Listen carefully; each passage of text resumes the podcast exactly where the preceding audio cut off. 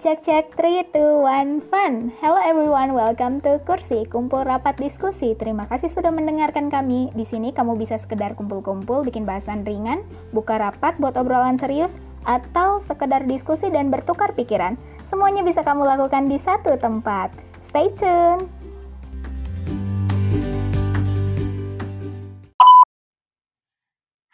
sobat kursi di mana pun berada, kembali lagi bersama Gresta di sini. Semoga semuanya masih dalam keadaan sehat ya. Meskipun kondisinya masih dalam suasana pandemi kayak gini, tapi moodnya harus tetap always be happy. Yay! Di episode kursi kali ini kita bakal ngebahas sesuatu yang serius, yaitu tentang analisis teknikal dalam perdagangan saham. Dan of course di sini sudah ada teman-teman Gresta yang siap menyambut pertanyaan-pertanyaan dari Gresta dengan ilmu-ilmu yang sudah mereka miliki. Wow, give it up for my weirdest team, my craziest friends, and my super hyper team. This is Dania, Nada, Dinda, and Bagus. Yay, halo semuanya. Halo Grace. Halo Grace. Alright, gimana kabarnya hari ini guys? Alhamdulillah baik Grace. Alhamdulillah senang banget dengarnya. Yay. Oke okay, guys. Uh, jadi aku yakin kalian semua pasti udah banyak tahu soal topik kita hari ini. Untuk itu kita bakal ngupas satu persatu. Kita mulai dari nada dulu deh. Nat, boleh nggak dikasih tahu ke kita? Jadi analisis teknikal tuh apa sih? Siapa yang make? Terus um, gunanya buat apa? Jadi Grace, kalau investasi itu kan pasti kita nyari untung kan. Nah, untung saham itu didapat dari selisih harga jual beli saham atau capital gainnya. Kita beli saham waktu harga rendah, terus dijual pas lagi harga tinggi-tingginya. Nah, supaya tahu nih kapan harga naik sama harga turunnya ada dua cara. Pertama, pakai analisa fundamental, terus yang kedua ada analisa teknikal. Apa sih bedanya dua analisa ini? Nah, bedanya kalau analisa fundamental, itu dia lebih fokus sama rasio-rasio di laporan keuangan dari tahun-tahun sebelumnya. Kayak ROE, ROI, ROA, terus DER yang kayak tugas-tugas kuliah kita gitu loh. Terus, analisa ini nganggep kalau harga saham itu nggak nunjukin kinerja dari perusahaan. Misalnya kayak perusahaan sekarang, harga sahamnya lebih rendah nih, tapi gitu dilihat kinerja perusahaan dari rasio laporan keuangannya selama lima tahun belakang, rupanya bagus Pas kayak gini lah dimanfaatin sama investor untuk dibeli pas salah harga. Sedangkan kalau analisa teknikal itu kebalikannya, harga saham udah nentuin kinerja sama kondisi fundamental perusahaan. Jadi analisa teknikal lebih fokus sama harga historis atau lihat pola dari pergerakan sahamnya itu. Yang grafik-grafik itu kayak candlestick pattern yang warna hijau merah itu loh. Nah, kita bakalan beli sahamnya waktu pola harga saham kelihatan bakal naik atau kondisi uptrend. Pergerakan grafiknya itu cepat kali, bisa hitungan per hari, per jam, sampai per menit. Analisa ini biasanya dipakai sama trader. Kalau masalah bagusnya yang mana, yang teknikal atau fundamental, nggak bisa dibilang gitu sih, karena kuncinya itu ada di jangka waktunya. Kalau analisa fundamental sifatnya lebih ke long term biasa dipakai sama investor jangka panjang jadi fluktuasi singkat nggak bakalan berasa.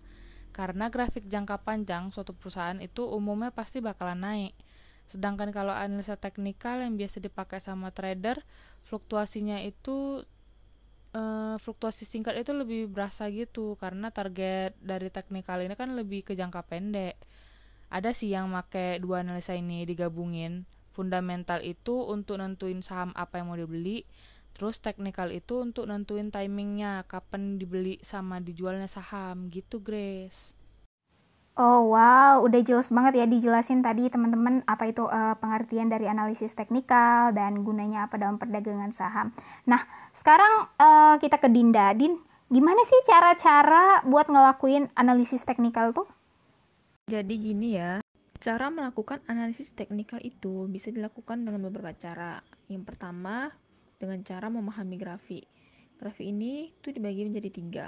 Ada grafik garis, ada grafik batang, dan ada grafik candlestick. Cara kedua adalah dengan menggunakan keputusan wait and see, yaitu keputusan untuk menunggu dan melihat-lihat keadaan pasar dulu sebelum kita mengambil keputusan untuk jual dan beli. Jadi wait and see ini artinya itu kita nggak melakukan aksi trading atau aksi jual beli. Dan nggak berdiam juga. Tetapi kita tuh menunggu waktu yang tepat untuk melakukan trading atau jual beli itu. Cara ketiga itu adalah don't fight the tip atau jangan melawan pasar, yaitu situasi yang menggambarkan kondisi pasar sedang tidak menguntungkan dan akan membuat suatu kerugian yang besar apabila kita itu melanjutkan keputusan itu. Dan yang terakhir atau yang keempat itu adalah keputusan support and resistance. Support ini itu sebagai level yang berpotensi untuk menahan penurunan harga. Dan sebaliknya, kalau resisten itu dia area level yang berpotensi untuk menahan kenaikan harga. Jadi support and resistance ini tuh tujuannya itu untuk mengetahui area yang tepat saat mengambil posisi beli atau jual dan menentukan target dari pergerakan harga. Oke, okay, I see. Ini menarik banget ya yang soal uh, white NC, keputusan white NC, di mana kita harus nunggu kapan waktu yang tepat dan melihat situasi gitu ya, kapan ya waktu yang cocok buat ngejual atau ngebeli saham. Nah, saham ini kan seperti yang kita tahu, dia tuh makin tinggi profit, resikonya juga makin besar. Kira-kira ada tips nggak cara-cara yang bisa kita lakuin buat ngurangin resiko sebagai uh, seorang investor gitu? Mungkin bagus bisa jelasin?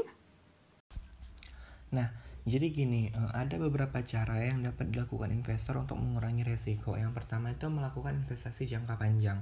Agar uh, resiko investasi saham jangka panjang ini dapat diminimalisir adalah itu dengan cara membeli sahamnya secara bertahap. Jadi seorang investor saham minimalnya juga harus mengetahui mengenai analisis teknikal, misalkan mengenai titik support dan titik resistance. Yang kedua uh, itu adalah memilih saham. Nah, memilih saham ini cukup penting ya karena uh, seperti yang kita tahu pasti investor itu sangat ingin duitnya tetap aman. Jadi tentu dia uh, pasti memilih perusahaan-perusahaan mana dengan kinerja yang baik uh, baru dia mau berinvestasi di situ. Seperti saham-saham blue chip. Nah apa itu saham blue chip? Jadi istilah saham blue chip ini bisa mengarah pada saham yang terpercaya karena nilai kapitalisasinya itu yang besar Menurut para ahli di bidang ini, saham blue chip dikatakan lebih aman untuk berinvestasi jika dibandingkan dengan saham lainnya. Saham blue chip dari perusahaan tersebut memiliki nilai fundamental yang sangat kuat dari segi finansial dan manajemen, sehingga secara teratur perusahaan tersebut akan membagikan dividen dengan nilai yang cukup memuaskan, uh, gitu. Ada beberapa contoh dari perusahaan yang kemudian dikategorikan memiliki saham blue chip di Bursa Efek Indonesia, uh, yaitu ada PT Bank Mandiri, PT Indofood Sukses Makmur Tbk, PT Asra Internasional, eh, PT Unilever, dan beberapa perusahaan-perusahaan lainnya. Terus yang ketiga itu kalian pernah dengar ini uh, teori yang mengatakan don't put all your eggs in one basket gitu. Nah, jadi salah satu ungkapan ini cukup terkenal ya di dunia investasi gitu. Ini termasuk cara uh, diversifikasi investasi.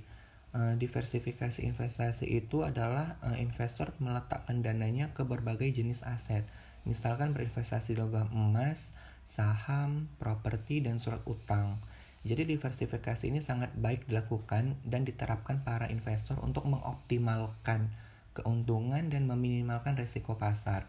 Selain itu juga diversifikasi merupakan kunci untuk menjaga kestabilan investasi karena segala sesuatu dapat terjadi pada investasi. Begitu. Yeay, nggak sia-sia ya ngundang bagus ke episode kursi kali ini. Alright, oke okay guys. Uh, pertanyaan terakhir buat Dania. Dania boleh nggak digambarin gimana sih kondisi uh, dari grafik-grafik saham pada saat melakukan uh, analisis teknikal ini? Nah, jadi kan Grace, seperti yang kita ketahui nih ya, pergerakan saham itu kan dapat terjadi di luar perkiraan.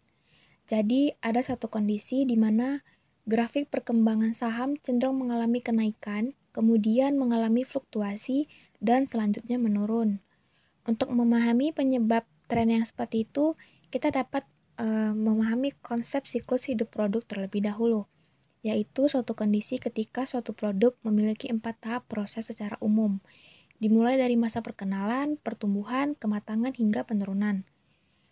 Lalu berikutnya Grace, ada kondisi grafik pergerakan saham yang bersifat konstan bertumbuh, sehingga pada kondisi ini menempatkan perusahaan tersebut pada posisi yang cenderung stabil.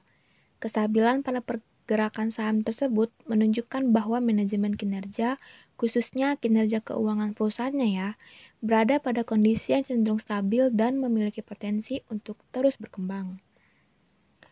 Perkembangan kinerja keuangan juga dapat menunjukkan bahwa penjualan produk perusahaan di pasaran sangat baik dan mengalami peningkatan.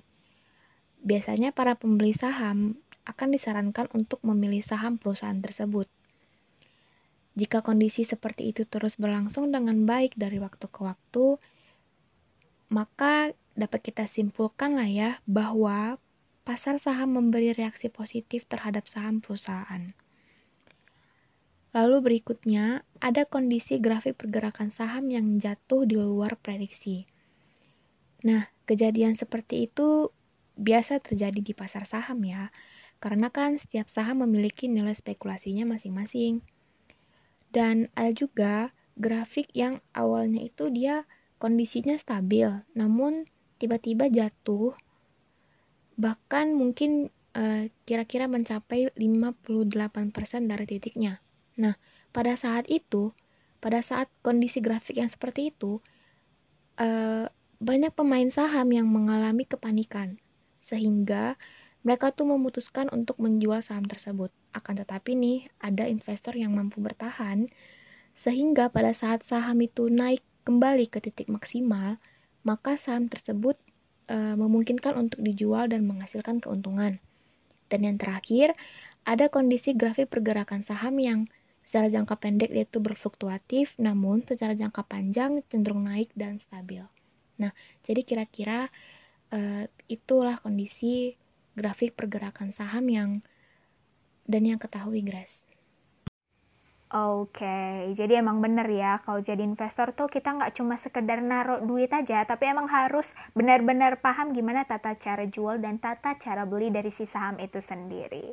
Oke, okay, thank you so much guys for joining with me in episode kursi kali ini dan semoga uh, apa yang udah kita bahas dari awal tentang analisis teknikal dalam perdagangan saham ini boleh berguna bagi para listeners di luar sana. Thank you. Thank you for having us, Grace.